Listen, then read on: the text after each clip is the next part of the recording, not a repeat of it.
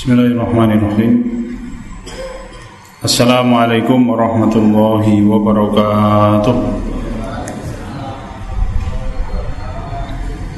الحمد لله رب العالمين وبه نستعين هو الأمور الدنيا والدين أشهد أن لا إله إلا الله رب العالمين أشهد أن محمدا عبده ورسوله صادق الوعد الأمين اللهم صل على محمد وعلى آله وأصحابه أجمعين أعوذ بالله من الشيطان الرجيم. يا أيها الذين آمنوا اتقوا الله حق تقاته ولا تموتن إلا وأنتم مسلمون. ويا أيها الذين آمنوا اتقوا الله وقولوا قولا سديدا. يصلح لكم أعمالكم ويغفر لكم ذنوبكم. ومن يطع الله ورسوله فقد فاز فوزا عظيما. Alhamdulillahirrahmanirrahim Hadirin sekalian Bapak-bapak dan rekan-rekan sekalian Yang dirahmati Allah Ta'ala. Segala puji bagi Allah Subhanahu Wa Ta'ala Yang melimpahkan bagi kita seluruh nikmat Terutama sekali nikmat agama Islam Nikmat petunjuk Nikmat keimanan yang diberikan oleh Allah Ta'ala Yang ditetapkan di dalam hati kita. Kemudian menggerakkan badan kita untuk mentaati Allah Dan tidak ada nikmat melebihi besarnya nikmat keimanan kita kepada Allah Subhanahu wa taala mari kita coba baik-baik keimanan kita kepada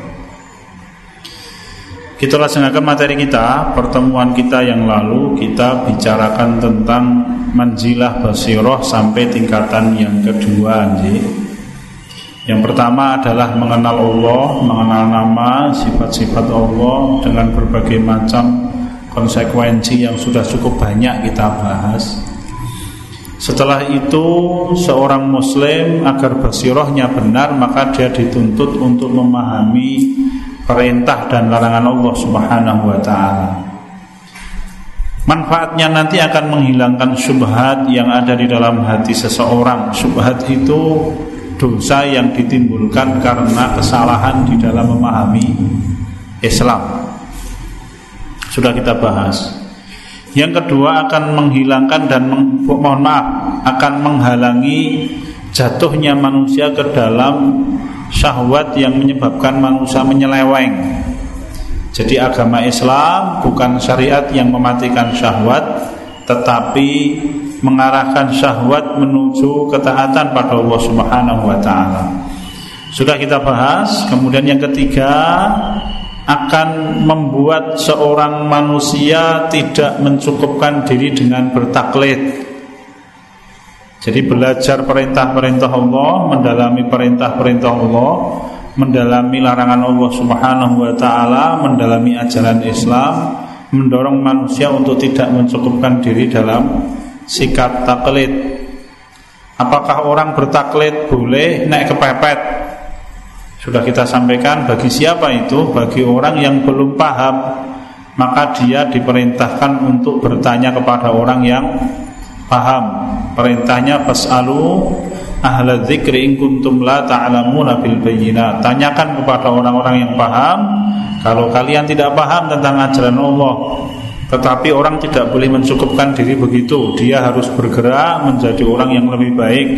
Paling tidak keadaan kita adalah mutabi' Itibak J apa itu? Orang yang mengikuti perintah Allah berbagai macam fatwa para ulama tetapi dengan memahami dalil mengetahui dasarnya. Itu namanya ittiba ittiba kepada Nabi kita Muhammad Shallallahu Alaihi Wasallam. Nanti derajat yang paling tinggi membangun diri menjadi seorang mujtahid ini yang paling baik.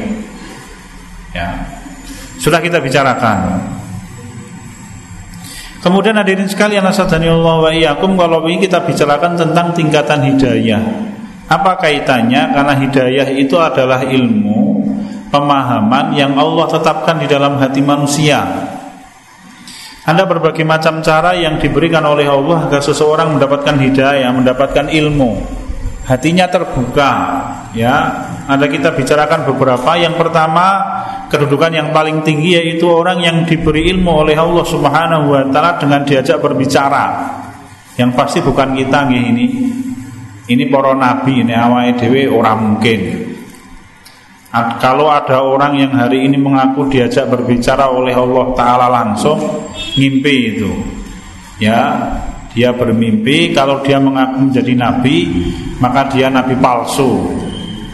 Ya. Ini yang pertama. Siapa orang yang diajak berbicara oleh Allah Ta'ala secara langsung hanya ada dua orang. Satu dan yang pertama adalah Nabi Musa alaihissalam Wa kallamallahu Musa taklima. Dan Allah mengajak Nabi Musa dan mengajak Musa berbicara secara langsung. Tetapi dibalik hijab. Sehingga waktu itu Nabi Musa alaihissalam tidak melihat Allah Imam Ibnu Katsir pada waktu menafsirkan firman Allah orang-orang Bani Israel yang apa namanya dihukum oleh Allah dengan cara disambar meledek itu. Zalimun. Mereka dimakan dan ditwa disambar meledek dalam keadaan zalim. Kenapa? Karena mereka meminta kepada Nabi Musa untuk bisa melihat Allah. Ya qalu arinallaha jahrah fa akhadhathumus sa'iqah Wahai Musa perlihatkan kepada kami Allah secara terang benderang. Ki Allah wujudnya kaya ngopo Kenapa? Imam Ibnu Katsir menceritakan Karena ada sekitar 70 orang tokoh Bani Israel itu yang diajak oleh Nabi Musa alaihissalam untuk berdiam di Bukit Sinai Ketika itu 70 orang ini mendengar Nabi Musa bercakap-cakap dengan Allah dan mereka bisa mendengar itu. Hanya kemudian pada waktu dilihat ke langit, jadi di langit itu ada awan yang menutupi sehingga tidak kelihatan Allah. Karena penasaran, maka kemudian tokoh-tokoh Bani Israel melunjak Nantang Nabi Musa Wahai Musa kami tidak akan beriman kepada Allah Kalau Allah tidak kelihatan Langsung disamber Meledek, mati bapak-bapak jadi satu Nabi Musa alaihissalam. Yang kedua adalah Nabi kita Muhammad Shallallahu Alaihi Wasallam dengan kedudukan yang lebih tinggi. Kalau Nabi Musa alaihissalam diajak berbicara oleh Allah di dunia ini, kalau Nabi kita Muhammad Shallallahu Alaihi Wasallam diajak berbicara dengan Allah, caranya diundang oleh Allah Taala untuk bertemu dengan Allah di Sidratil Muntaha. Ya hanya dua orang itu, tidak ada orang lain. Kalau ada orang yang ketiga ngaku-ngaku es mesti palsu. Wes to. Mbok dia bisa menghilang meskipun dia tiba-tiba bisa mendatangkan uang. Kayak Mbah Sopo Sing dulu sempat heboh. Ning jebule ngapusi nggih. Itu tetap nabi palsu itu. Karena hanya dua orang ini yang diajak oleh Allah Ta'ala berbicara secara langsung Kemudian yang kedua sudah kita bicarakan martabatil wahyil mustahsah bil anbiya.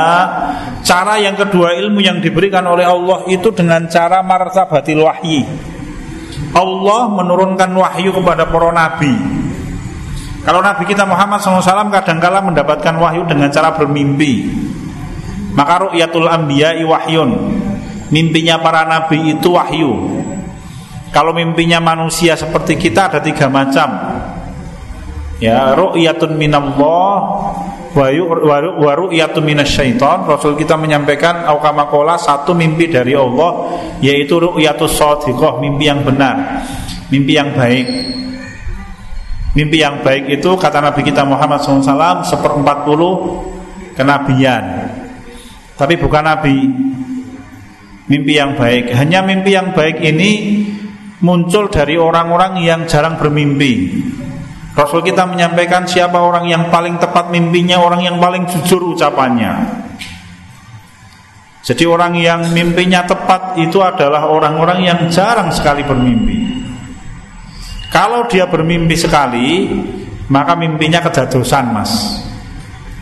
Imam Ibnul Qayyim al-Jauziyah rahimahullah menyampaikan ru'yatus shadiqah ini biasanya datang dari orang yang tidur di malam hari dengan cara berdoa dia berwudu, dia berzikir, kemudian belum menyampaikan biasanya mimpi ini datangnya di sepertiga malam terakhir karena waktu itu godaan setan melemah karena Allah taala turun ke langit dunia.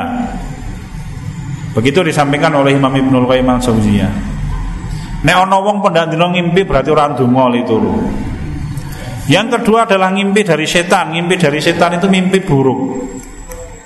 Maka perintahnya Rasul di dalam riwayat yang lain kalau seseorang bermimpi buruk jangan ceritakan. Misalkan kita mimpi lihat tetangga kita tabrakan. Esok-esok ketemu neng masjid, ojo diceritake Mas, aku mau ngimpi kue tabrakan wala ciloko. Kenapa? Karena itu mimpi dari setan. Tujuannya untuk apa? Untuk membuat manusia sedih dan ketakutan. Itu nanti diceritake wes loro sisan malah mati sisan sak durunge tabrakan niku malah Mas. Atau misalkan bermimpi melihat temannya yang sudah lama tidak ketemu nganggo kelambi putih, nganggo sarung putih, kupuan putih. Terus dianggap berarti resian wonge, ngoten niku mawon. Aja diceritake karo ibu-ibu kula wingi ngimpi putra jenengan sing merantau Kalimantan niku kok nganggo kelambi putih, sarungnya putih, kupu putih yo. Ki ono apa yo? Wes aneh-aneh to rasa diceritake. Rasul kita di dalam riwayat yang lain menyampaikan kalau kita bermimpi buruk, atau mimpi dari setan, maka kemudian kita diperintahkan untuk ta'awud tiga kali dan meludah ke kiri. Ya, untuk apa? Untuk menghindarkan dan jangan ceritakan kata Nabi Muhammad SAW. Yang ketiga mimpi yang datang dari kebiasaan tidur. Misalkan tadi siang ngimpi, kok ngimpi kerja keras, macul apa kerja bakti sampai sore menggeh-menggeh akhirnya buat domisa langsung bleksek tidur ketika tidur mimpi doyak ya gudel wah mati kesel itu mimpi kejadian dari siang itu. Ya misalkan begitu. Tetapi sekali lagi kalau mimpinya para nabi itu wahyu. Ru'yatul anbiya wahyun. Nabi kita kadang mendapatkan wahyu dari mimpi. Sebagaimana Nabi Ibrahim alaihissalam mendapatkan wahyu untuk menyembelih putranya Nabi Ismail dengan cara bermimpi. Tapi kalau ada seorang manusia sekarang kok mimpi menyembelih anaknya itu piye mas? Setan itu Karena tidak mungkin mimpi yang baik itu memerintahkan bermaksiat. Membelih anak itu so hadirin Ya toh, iya. Kan ada toh, saya pernah membaca bapak yang membunuh, ibu yang membunuh beberapa orang anaknya itu kenapa alasannya ngimpi. Ngimpi dikon mata ini anaknya dilakoni aduh sok gede. Sing keplok-keplok sinten? Setan. Setan menjerumuskan orang itu untuk membunuh anak-anaknya dengan model mimpi. Dia mengira bahwa itu perintah dari Allah. Tidak mungkin Allah memerintahkan orang bermaksiat. Tapi kan Nabi Nabi Ibrahim Nabi Ibrahim itu mendapatkan wahyu. Itu pun kemudian sebagai ujian dari Allah Subhanahu wa taala, bukan betulan untuk membunuh Nabi Ismail. Kemudian disebutkan Rasul kita Wahyu yang paling berat itu Rasul kita mendengar suara di atas kepalanya seperti lonceng Jadi suaranya keras Sampai para sahabat ingkang mirsani Menyatakan kami melihat Rasul itu Peluhnya bercucuran ini mati keringetan begitu. Terasa betul kalau Rasul kita berat mendapatkan wahyu itu. Jadi biasanya seperti suara yang keras di atas kepalanya Rasul seperti lonceng. Begitu disampaikan oleh kanjeng Nabi kita Muhammad Shallallahu Alaihi Wasallam. Kemudian yang ketiga, martabatu irsalir Rasul al malaki ila Rasulil Bashari Ilmu yang ketiga ini pun tidak mungkin kita raih. Apa itu? Allah mengutus malaikat untuk menyampaikan sesuatu kepada utusan Allah dari golongan manusia. Malaikatnya pun tertentu siapa itu malaikat Jibril alaihissalam. Kemudian menyampaikan wahyu kepada para rasul. Yang terakhir adalah rasul kita Muhammad SAW. Dan Ummul Mukminin Ummu Salamah radhiyallahu anha misalkan beliau menyampaikan beliau sering melihat Rasul didatangi oleh malaikat Jibril Ummu Salamah radhiyallahu anha ini sebagai satu bukti keutamaan keimanannya Ummu Salamah. Jadi Ummu Salamah itu menyampaikan aku sering melihat Rasul bercakap-cakap dengan seseorang yang mirip Dihyah Al-Kalbi radhiyallahu anhu. Jadi Dihya Al-Kalbi itu seorang sahabat yang bagus. Ya gampangane wong paling bagus sak jazirah Arab gampangane ya meskipun nek bagusnya Nabi Muhammad kalah nih mas. Tetapi wong paling bagus Nah malaikat Jibril itu paling sering mendatangi Nabi Muhammad dalam bentuknya Dihya Al-Kalbi Dan siapa yang mirsani yang sering melihat Salah satunya adalah Ummu Salamah radhiyallahu anha. Beliau bercerita salah satu kisahnya belum menyampaikan aku pernah melihat Rasul bercakap-cakap dengan seorang laki-laki yang mirip Dihya al-Kalbi. Rasul kita bercakap-cakap serius gitu. Kemudian begitu selesai bercakap-cakap, Rasul langsung masuk masjid, berdiri di mimbar. Dan Rasul menyampaikan tadi Jibril menyampaikan kepadaku, oh berarti sing tadi mirip Dihya al-Kalbi itu malaikat Jibril. Karena memang Nabi kita melihat malaikat Jibril dalam bentuk aslinya baru dua kali. Hanya dua kali, bukan baru dua kali nggih. Engkang sepindah kapan lakot ro'ahu nazlatan ukhra inda sidratil muntaha oh, ya. Ini nyebut kuali. Pertama kali Nabi Muhammad SAW melihat malaikat Jibril dalam bentuk aslinya itu pada waktu beliau akan menerima wahyu pertama. Ya, di Gua Khiro Ya prosesi itulah Nabi Muhammad SAW melihat malaikat Jibril dalam bentuk aslinya. Yang kata Nabi kita Dia duduk di atas singgasana yang besarnya memenuhi langit ini. Jadi Rasul kita berjalan di tengah padang pasir Kemudian tiba-tiba terdengar suara Ya Muhammad Anta Rasulullah Wa ana Jibril. Suara itu menggema Wa ana Jibril, mungkin ngono Mungkin ya. Sepokoman memenuhi langit. Nabi Muhammad menceritakan, maka aku menoleh ke kanan.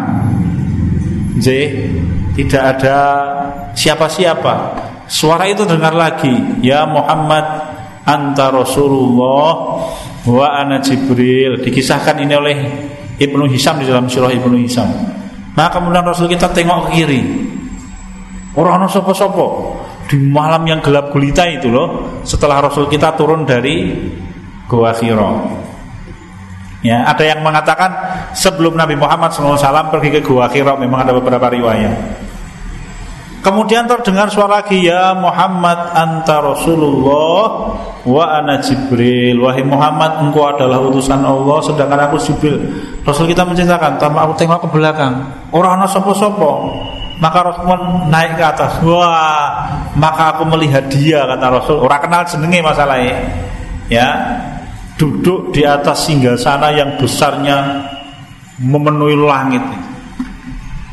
Ya itu pertama kali Nabi kita Muhammad SAW melihat malaikat Jibril alaihissalam dan itu bertahan lama guys sampai Rasul kita pulang ke rumah itu masih kelihatan.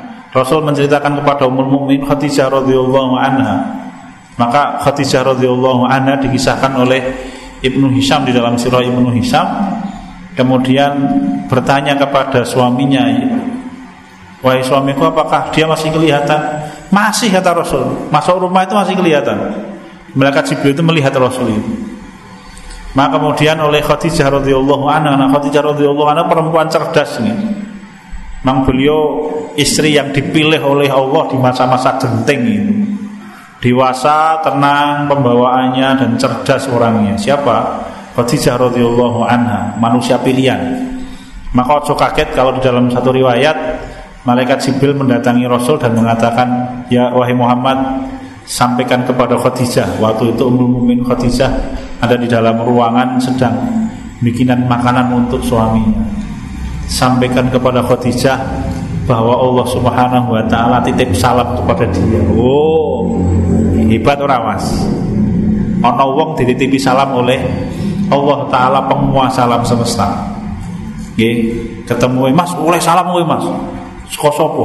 Saka Gusti Allah. Wow. itu Khadijah radhiyallahu anha dapat itu dikisahkan oleh di dalam satu riwayat begitu. Kembali ke dalam cerita kemudian Khadijah radhiyallahu anha mengajak suaminya untuk membuktikan ini wudhu jin ini. Mulai katenanan ini Lalu kemudian Khadijah radhiyallahu anha mengajak suaminya masuk ke kamarnya Nabi Muhammad SAW. Lalu bertanya, wahai suamiku, apakah dia masih kelihatan? Masih kata Rasul. Lalu kemudian diajak masuk ke kamarnya Khadijah radhiyallahu anha. Lalu bertanya, wahai suamiku, apakah dia masih kelihatan? Masih. Lalu kemudian Ummul Mukmin Khadijah radhiyallahu anha itu wanita cerdas. Apa yang dia kerjakan? Kain yang menutupi rambutnya itu kemudian dibuka. Bukan di depan umum loh ini Di kamar bersama dengan suaminya. Boleh tidak? Oleh Maka kemudian begitu dibuka Jilbabnya di depan suaminya Kain yang menutupi rambutnya itu Lalu Ummul Mumin Khadijah radhiyallahu anha bertanya Wahai suamiku Dia kelihatan tidak? Rasul kita menjawab Tidak. Orang ketok lungoy Begitu Ummul Mukmin Khadijah radhiyallahu anha kembali menggunakan kain yang menutupi rambutnya, tanya, "Wahai suamiku, dia kelihatan tidak?" "Kelihatan." Maka Khadijah mengatakan, "Oh, betul. Dia malaikat." Kenapa? Karena malaikat tidak mungkin mau melihat auratnya wanita. Ngopong ngintip-ngintip jin sing delik po gitu. Jin nek malaikat ora gelem cerdas. Kita pun tidak tahu loh, tapi Khadijah radhiyallahu anha di awal-awal Islam beliau tahu. Kenapa? Maka kecerdasannya luar biasa Khadijah radhiyallahu anha. Ya kembali ke dalam pembicaraan. Kemudian yang kedua, Rasul itu melihat malaikat Jibril dalam bentuk aslinya disebutkan wonten ing surat An-Nasm itu laqad ra'au nazlatan ukhra inda sidratil muntaha. Rasul kita melihat malaikat Jibril itu di sidratil muntaha. Nanti ada riwayatnya itu kalau di Sidratul Muntaha itu ada beberapa apa namanya beberapa terjemahan ya. Saya pernah mendapatkan terjemahan hadisnya itu malaikat Jibril di Sidratul Muntaha dilihat oleh Rasul. Rasul kita menyampaikan aku melihat dia memiliki melihat Jibril memiliki 600 sayap. Bentuk aslinya malaikat Jibril itu 600 sayap, Mas. Nanti di dalam riwayat yang lain disebutkan satu sayapnya Jibril alaihissalam ini kalau dibuka Jreng begitu maka langit dan akan tertutupi oleh satu sayap 600 Kemudian di dalam riwayat itu terjemahannya saya mendapati yang ada yang menerjemahkan Jibril Islam sedang berbaring. Ada yang mengatakan sandaran, layah-layah. Ya. Tapi kan keutamaan untuk malaikat Jibril, Jibril Islam itu diberikan oleh Allah sehingga sana di sampingnya Allah Subhanahu wa taala. Lah biasanya malaikat Jibril itu kalau mendatangi Nabi Muhammad bentuk yang paling sering itu bentuknya diyal kalbi radhiyallahu anhu. Lelaki yang tampan betul memang diyal kalbi itu maka Rasul pada waktu mengutus utusan-utusannya kepada para raja Beliau mengutus Dihya al-Kalbi ini kepada orang-orang Romawi Kepada Kaisar Romawi Heraklius. Sedangkan kepada Sobat jenenge Kaisar Persia beda lagi orangnya. Nanti kalau panjenengan membaca salah satu utusannya Umar bin Khattab kepada Kaisar Persia itu Mughirah bin Subah.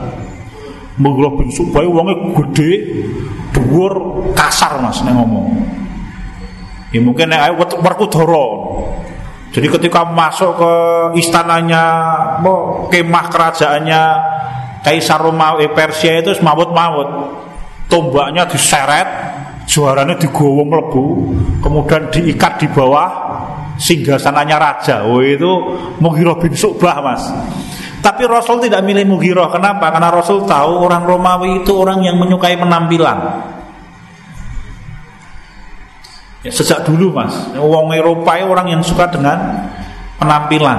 Maka Rasul kita mengutus siapa? Zihi al-Kalbi Oh Rasul kita jangan tanya orang cerdas Sangat cerdas Rasul kita itu. Orang yang waton, sing sapa sing gelem kowe semangat orang ngono kuwi. Rasul milih-milih, orang tahu latar belakangnya apa. Kira-kira begitu.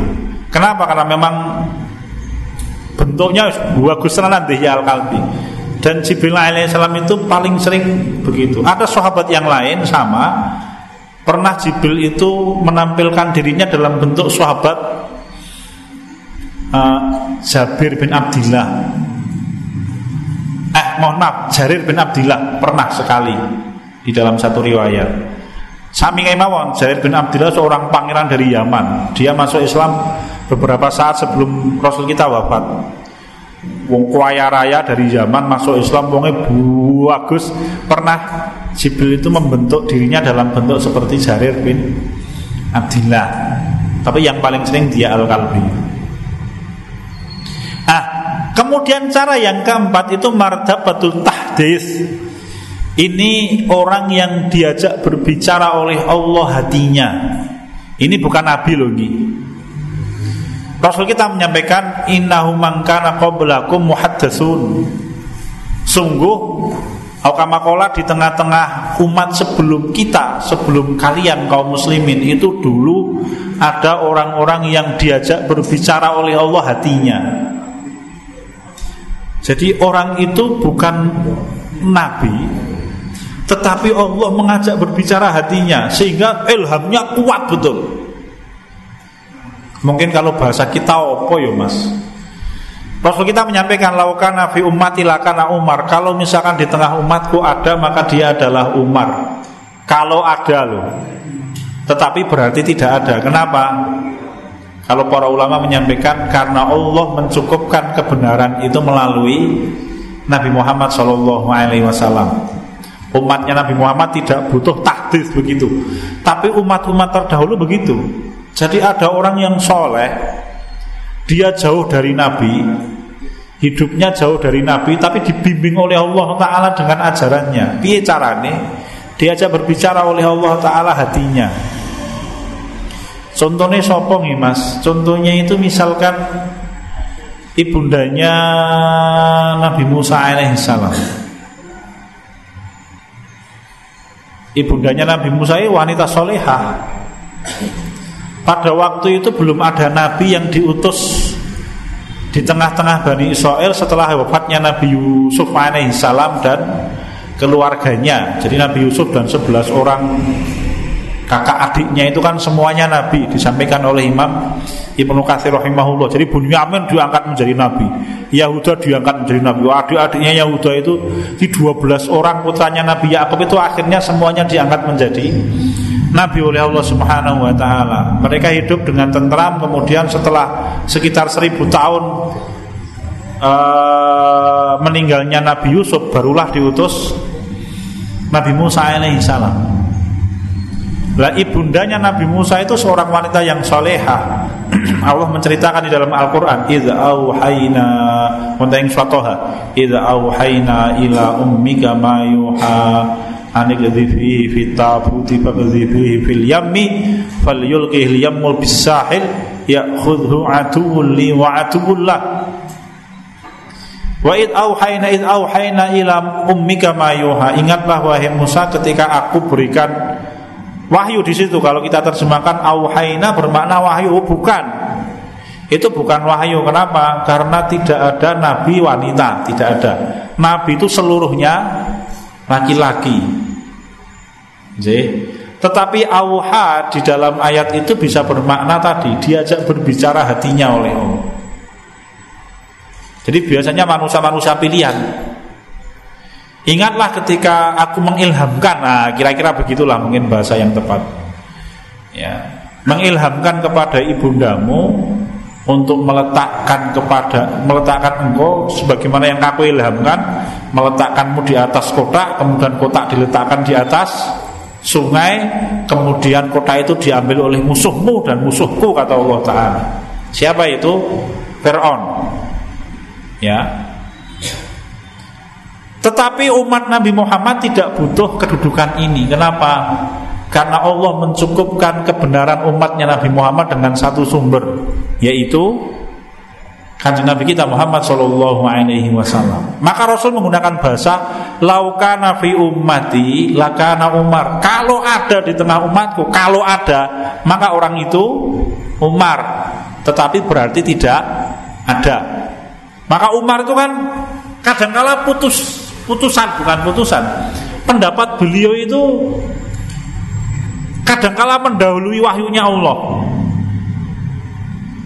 Bukan karena hebatnya Umar mendahului ketetapan Allah loh. Jadi Allah itu seperti menguatkan pendapatnya Umar dengan wahyu.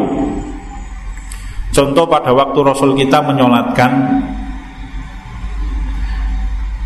Abdullah bin Ubay. Jadi pada waktu Rasul akan menyolatkan itu sampai ditarik bajunya oleh Umar. Ya Rasulullah, engkau akan menyolatkan orang seperti ini. Sampai tiga kali itu ditarik bajunya Rasulullah. Ini gambaran ini wong munafik masuk panjenengan nyolati wong munafik. Kemudian Rasul kita menyolatkan. Begitu Rasul kita selesai menyolatkan, Allah Taala menurunkan firman-Nya, "Wala tusalli ala ahadin minhum mata abada Wala taqum ala qabri. Janganlah engkau sekali-kali menyolatkan orang-orang munafik selama-lamanya setelah ini. Ya, dan jangan engkau berdiri mendoakan di samping kuburnya. Langsung itu, Mas. Pendapatnya Umar. Bukan berarti Umar itu setara dengan Nabi, tetapi kalau misalkan ada di tengah umatnya orang yang diajak berbicara hatinya oleh Allah, maka Umar. Yang tidak ada. Sampai sang anak Abdullah bin Umar bin Khattab radhiyallahu anhu seorang ulama besar sahabat saya mengatakan tidaklah aku melihat atau mendengar Ayahku mengatakan Tak pikiri sesuk akan kejadian begini Kecuali pasti keesokan harinya kedadosan itu mas Ya Menurut saya besok akan terjadi begini Maka kejadian itu Umar bin Khattab radhiyallahu anhu itu begitu Ning kok Abu Bakar tidak? Oh, pertanyaannya begitu mas. Kenapa kok Abu Bakar tidak begitu? Maka no, ya. Sedangkan Abu Bakar itu lebih utama daripada Umar. Dan kaum muslimin tidak berselisih pendapat. Kenapa kok Abu Bakar tidak? Kalau panjenengan melihat seperti karomah-karomah seperti itu banyak dimiliki oleh Umar. Umar itu pernah berkhutbah di mimbar begini ini tiba-tiba beliau berteriak pasukan mundur naik ke gunung. Wah itu bar khutbah Wong Islam kaum muslimin tahu wonten napa kira-kira begitu Umar menceritakan. Saya itu mengirimkan pasukan tiba-tiba pas saya khutbah tadi saya melihat pasukan yang saya kirim itu dikepung oleh musuh. Mau jaraknya seribu kilometer mungkin Mas. Umar iso ndelok. Wah, sakti mandra guna. Tidak. Karena mangkaromah yang Allah berikan kepada Umar. Maka aku perintahkan mereka mundur ke gunung. Pasukan mundur ke gunung, baru menang. Setelah penang pulang ke rumah ke Madinah, pasukannya bercerita, kami kemarin ketika berperang dikepung oleh musuh. Tiba-tiba terdengar suara yang keras berteriak, wahai pasukan, mundur, naik ke gunung, mundur tenanan, menang lu mas Lusan. Tapi kenapa Abu Bakar tidak? Orang ulama menjawab karena Abu Bakar untuk menguatkan keimanannya orang butuh ngono Ya. Umar bin Khattab itu untuk menguatkan keimanannya Allah berikan karomah. Sedangkan Abu Bakar tidak butuh begitu. Maka Rasul kita ber, bercerita tentang Abu Bakar itu mengatakan begini semua orang pada waktu masuk Islam pasti ada apa-apanya di dalam hati. Rasul tahu kecuali Abu Bakar. Ya. Kecuali Abu Bakar apa-apa itu maksudnya ada sedikit penghalang sedikit Akhirnya mereka masuk Islam. Jadi seorang sahabat besar. Semuanya kecuali satu orang. Siapa itu? Abu Bakar. So Abu Bakar itu bawahan gue seplung bawahan kata niku. Ya. Maka Rasul menjadikan Abu Bakar sebagai teman setianya. Kenapa? Karena kalau misalkan ada nabi yang hidupnya sejaman dengan Nabi Muhammad, pasti orang itu adalah Abu Bakar. Tetapi tidak ada nabi yang sejaman dengan Nabi Muhammad dan setelah wafatnya Rasul. Meng kalau misalkan ada ya modelnya Abu Bakar Siddiq radhiyallahu anhu. Sehingga kedudukan Abu Bakar itu di sisi Rasul seperti kedudukannya Nabi Harun. Ya. Ya bahasa kita ya 11 12 lah Mas. Teman akrab sejak kecil, kebiasaannya persis, kemuliaannya sama jujurnya ya persis nggih apa meneh Mas, podo-podo sugih karena Rasul kita begitu menikah dengan Khadijah radhiyallahu anha kaya raya beliau. Demikian pula Abu Bakar Siddiq, sama-sama pedagang sukses, sama-sama tokoh, sama-sama orang cerdas. Bahkan Abu Bakar itu kan sebelum beliau masuk Islam, beliau sudah punya majelis ilmu. Dan majelis itu didatangi oleh Utsman, Zubair, Tolha, Abdurrahman, Abu Ubaidah. Maka begitu Abu Bakar masuk Islam, murid-muridnya masuk Islam dan jadi tokoh-tokoh besar kaum muslimin. Itu Abu Bakar. Apa mana Abu Bakar itu wajahnya tampan kayak Nabi kita Muhammad SAW Rasul kita kan bagus suami demikian pula Abu Bakar. Maka Abu Bakar itu mempunyai nama Al-Atik judukannya kan Atik Orang Quraisy itu kalau memanggil Abu Bakar ya Atik, wahai Atik, apa maknanya Atik? Maknanya orang yang wajahnya tampan, sinten Abu Bakar Siddiq radhiyallahu anhu. Ini yang keempat. Yang kelima masih yeah. martabatul ifham kata Imam Ibnu Qayyim al-Jauziyah. Ya. Jadi Allah menjadikan seseorang itu paham Paham hakikat satu masalah Ini tidak gampang loh mas Contohnya adalah Kasusnya Yang dihadapi oleh Nabi Dawud dan Nabi Sulaiman alaihi Diceritakan oleh Allah wa Dawud wa Sulaiman id yahkumani fil harthi id nafasat fihi ghanamul qaum wa kunna li hukmihim syahidin fafahamnaha Sulaiman wa ataina hukma wa ilma Allah Ta'ala menyampaikan dan ingatlah kisahnya Dawud dan Sulaiman. Id yahkumani fil harth.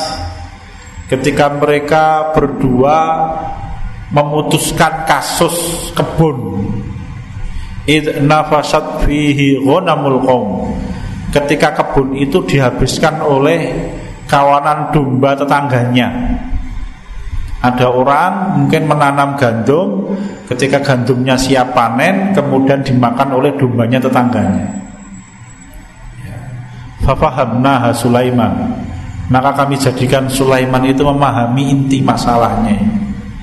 Nabi Dawud memberikan hukuman yang adil. Rupanya domba yang memakan tanaman itu Harganya setara dengan tanaman yang dimakan Maka Nabi Daud memutuskan ya sudah Kalau begitu ganti ruginya Dombamu berikan kepada orang itu. Kenapa? Karena yang memakan habis tanaman yang mau panen itu Domba panjenengan pak. Dan harganya sama. Misalkan di total entah erong atau juta Ya kawanan domba itu harganya 200 juta. Adil tidak? Adil. Nggih, adil mas. Tidak dolim Tapi Nabi Sulaiman yang masih muda Mempunyai pemahaman yang lebih dari itu Nabi Sulaiman memberikan usul kepada bapaknya ayah Bagaimana pendapat panjenengan Kalau misalkan Domba itu Dipinjamkan kepada pemilik tanah bagi hasil. ya, nanti keuntungan sebagian besar dimiliki oleh pemilik tanah sebagai ganti rugi. Sedangkan pemilik domba ditugaskan untuk mengembalikan tanaman seperti semula dan rupanya putusannya Nabi Sulaiman lebih disukai oleh dua orang yang berkasus. Fafahamna Sulaiman. Allah menjadikan seseorang paham betul dengan satu makna, satu peristiwa. Contoh yang lain sinten? Contoh yang lain itu uh, sahabat Abdullah bin Abbas radhiyallahu anhu. Beliau itu ketika Rasul kita wafat usianya baru 7 tahun atau 10 tahun. Tetapi kemudian Allah mohon maaf Rasul kita mendoakan Ibnu Abbas. Ya Allahumma faqihu fiddin Wa'alimhu ta'wil Wahai Allah Jadikan anak ini orang yang memahami agamamu Dan ajarkanlah dia tafsir. Maka ahli tafsirnya sahabat itu Ibnu Abbas. Beliau sangat memahami ayat-ayat Allah Sebagaimana doanya Rasul Begitu beliau meninggal Abu Bakar tiga tahun kemudian meninggal Digantikan oleh Umar Berarti usianya baru berapa? Kalau Rasul wafat beliau baru tujuh tahun Berarti sekitar 10 tahun kalau misalkan beliau meninggal Rasul meninggal usia 10 tahun baru sekitar 13 14 tahun. Itu oleh Umar bin Khattab apabila rapat dalam urusan-urusan penting Ibnu Abbas diajak rapat. Sehingga dikisahkan waktu itu para sahabat senior itu apa ya berkomentar kami juga punya anak sebesar dia kok orang dijak rapat piye Umar tahu ini, Umar bin Khattab tahu. Maka Umar bin Khattab itu kepingin membuktikan pemahaman yang dimiliki oleh Ibnu Abbas. Sampai kemudian suatu hari Umar bin Khattab mengumpulkan tokoh-tokoh itu. Dan Ibnu Abbas diundang di sampingnya Umar, duduknya. Ibnu Abbas mengatakan, aku tahu ini Umar pasti akan melakukan sesuatu ini. Lalu kemudian Umar bin Khattab radhiyallahu anhu bertanya kepada para sahabat, apa yang kalian pahami ketika Allah menurunkan firman-Nya idza jaa nasrullahi wal fath sampai akhir maka semua sahabat menyampaikan wah itu kemenangan itu macam-macam itu selesai setelah sahabat-sahabat besar menyampaikan pendapatnya lalu kemudian Umar bertanya kepada Ibnu Abbas Wahai Ibnu Abbas, apa pendapatmu tentang ayat itu ketika ayat itu turun? Ibnu Abbas yang masih kecil hitungan mas terulas tahun kok. Kalau misalkan usianya 10 tahun ketika Rasul wafat, ya kalau misalkan 7 tahun berarti 10 tahun. 11 tahun lah. Nggih, SMP kelas 1 mungkin. Atau SD kelas 6 lah. Ya. Atau mungkin SD kelas 5. Kalau misalkan sekarang SD terlalu hitung tahun gitu Mas. Ibnu Abbas itu mengatakan pada waktu ayat itu turun saya memahaminya bahwa Nabi Muhammad akan segera meninggal. Rasul tidak akan lama lagi wafat ini. Kenapa? Karena tugasnya serampung. Beda Thomas. Beda dengan pendapat-pendapat sahabat yang lain. Begitu Ibnu Abbas menyampaikan itu, Umar mengatakan, "Aku juga memahami makna ayat itu sama dengan ayat dengan anak ini ketika ayat itu turun." Jadi waktu itu ada tiga orang sahabat yang pahamnya itu begitu. Satu Abu Bakar, yang kedua Umar, yang ketiga ya Ibnu Abbas. Sahabat yang lain memahaminya beda. Ini loh, paham itu begitu. Itu karunia Allah yang sangat besar nih. Hadirin sekalian Allah Kedudukan ifham ini kata Imam Ibnu Qayyim al-Jauziyah unwanus siddiqiyah. Ya, unwanus siddiqiyah. Dia sumber dari sidiknya manusia kepada Allah Subhanahu wa taala. Kenapa? Paham. Maka Abu Bakar ora kokean alasan, pokoknya apa pun yang dikatakan sahabat saya Nabi Muhammad, aku percaya. Kenapa? Dia paham. Ora sah kokean ceng-ceng cueng gampangane ngoten niku Mas. Ora kokean pertingsing wah ada sarnya iki. Pokoknya kalau yang menyampaikan Nabi aku percaya gitu kan. Kisahnya yang terkenal kapan pada waktu peristiwa Isra Mi'raj. Didatangi Abu Jahal diceritake ya kan apa yang dikerjakan Nabi Muhammad mustahil waktu itu maka Abu Bakar mengatakan kalau betul itu yang diceritakan oleh temanku ya maksudnya siapa Rasul kita Muhammad SAW lebih dari itu saya percaya wis Ya, ora pokokan mikir ge piye kok ya. Wes ora ngono Mas. Ya. Ingkang mongko kalih mansuratul wilayatin nubuwah.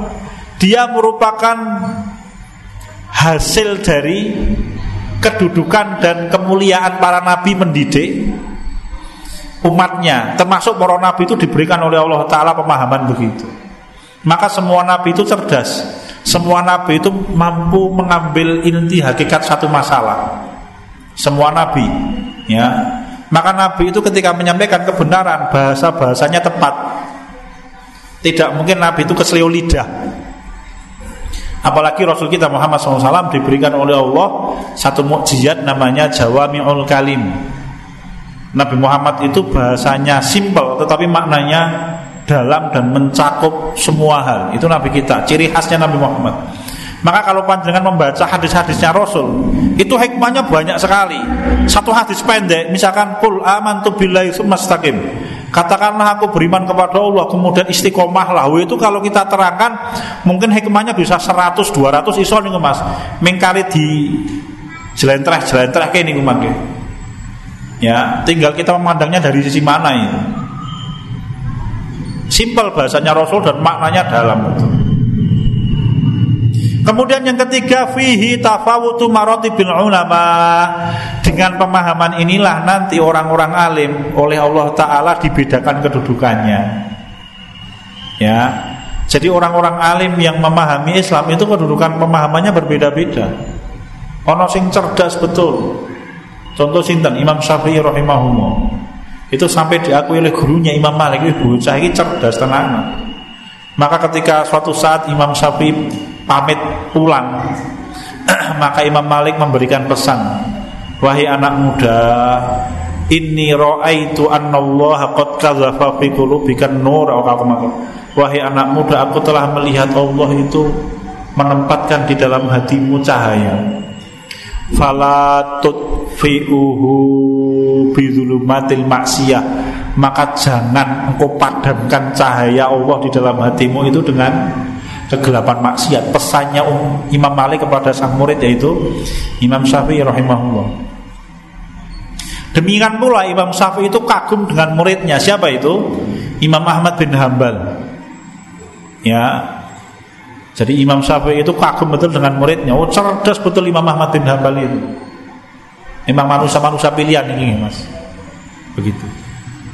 Siap, kanton satu menit Semoga Allah memberikan kita kebaikan dunia akhirat. Alhamdulillahirrahmanirrahim Saya memberikan pembawa acara. Assalamualaikum warahmatullahi wabarakatuh